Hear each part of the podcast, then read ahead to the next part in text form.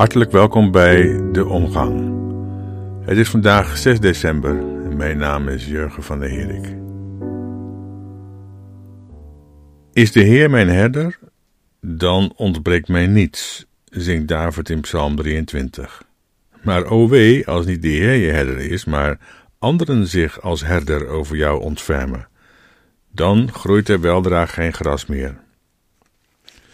Van Sinterklaas kun je alle dagen dat hij in ons land is zeggen dat hij nog niet jarig is. Vandaag zou de verjaardag zijn van de beste man, maar hij is uitgerekend vandaag in geen velden of wegen meer te bekennen. Hoewel men zich na een kort moment in de materie te verdiepen ervan zou kunnen vergewissen dat 6 december niet zijn verjaardag is, maar zijn sterfdag. 6 december is de dag dat de heilige Nicolaas stierf. Ik weet niet of we hier een complot moeten vermoeden. Ik ben niet zo van de complotten. We gaan het nu niet hebben over Zwarte Piet. Het volkse spel dat wordt gespeeld stamt uit de tijd dat er nog geen spelletjes op tv bestonden en men met een vroege vorm van straattheater probeerde tradities te verbeelden. Passie spelen alom, maar dat niet alleen. Een ervan was die van de overwinnende kerk. Een heilige op een paard, nadrukkelijk geen ezel, maar meer dan een ezel, een heilige, hoog te paard, die de macht heeft over de duivelen. Zwarte figuurtjes, die daar ergens beneden als onderhorigen het spel meespeelden.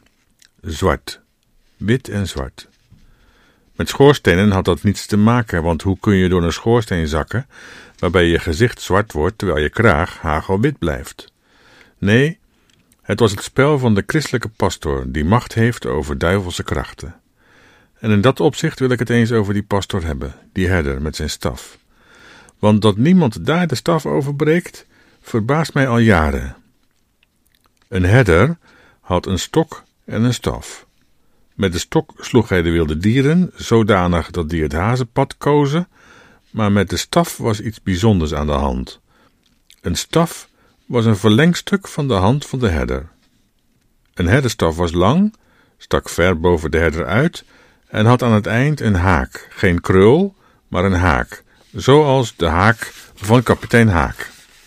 De herder kon zo die haak van afstand om de poot van het schaap slaan, dat te dicht langs een ravijn liep, bijvoorbeeld, eh, om dusdoende zo'n verloren schaap weer bij de kudde te trekken.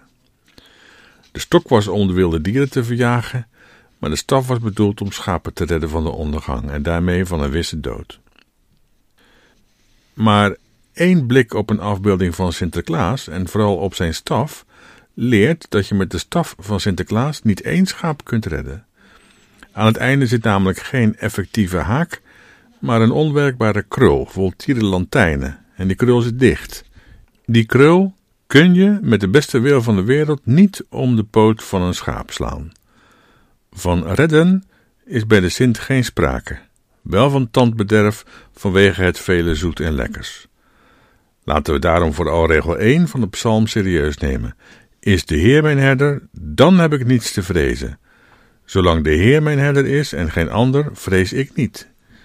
En ook de laatste regel is van belang. Ik zal, zo zingt David, in het huis des Heeren verblijven tot in lengte van dagen. Die bepaling des Heeren is van belang, komt vaker voor namelijk. Dat woordje Heer is een verlegenheidswoordje om de naam die in de vier letters zit, JHWH, niet te hoeven uitspreken. Maar die naam is wel bedoeld, de God van Israël dus. Die wordt aangesproken met Adonai of Heere. De dag des Heren is daarom niet de zondag, maar de dag dat de Messias komt. En het huis des Heren is niet de plaatselijke kerk, maar de nieuwe tempel die de Messias van Israël na de verwoesting van de oude in drie dagen opnieuw opgebouwd heeft. En de gemeente des Heren is de gemeenschap van gedoopte mensen die weet heeft van de effectiviteit van de herderstaf, de herderstaf van de God van Israël. Daarom moest Jezus geboren worden niet in het helverlichte Bethlehem Hilton onder kroonluchters en in het satijn, maar aan de overkant van de straat, in een in duister gehulde stal, een pastorale. Herdersoord. Bedankt voor het luisteren en tot de volgende keer.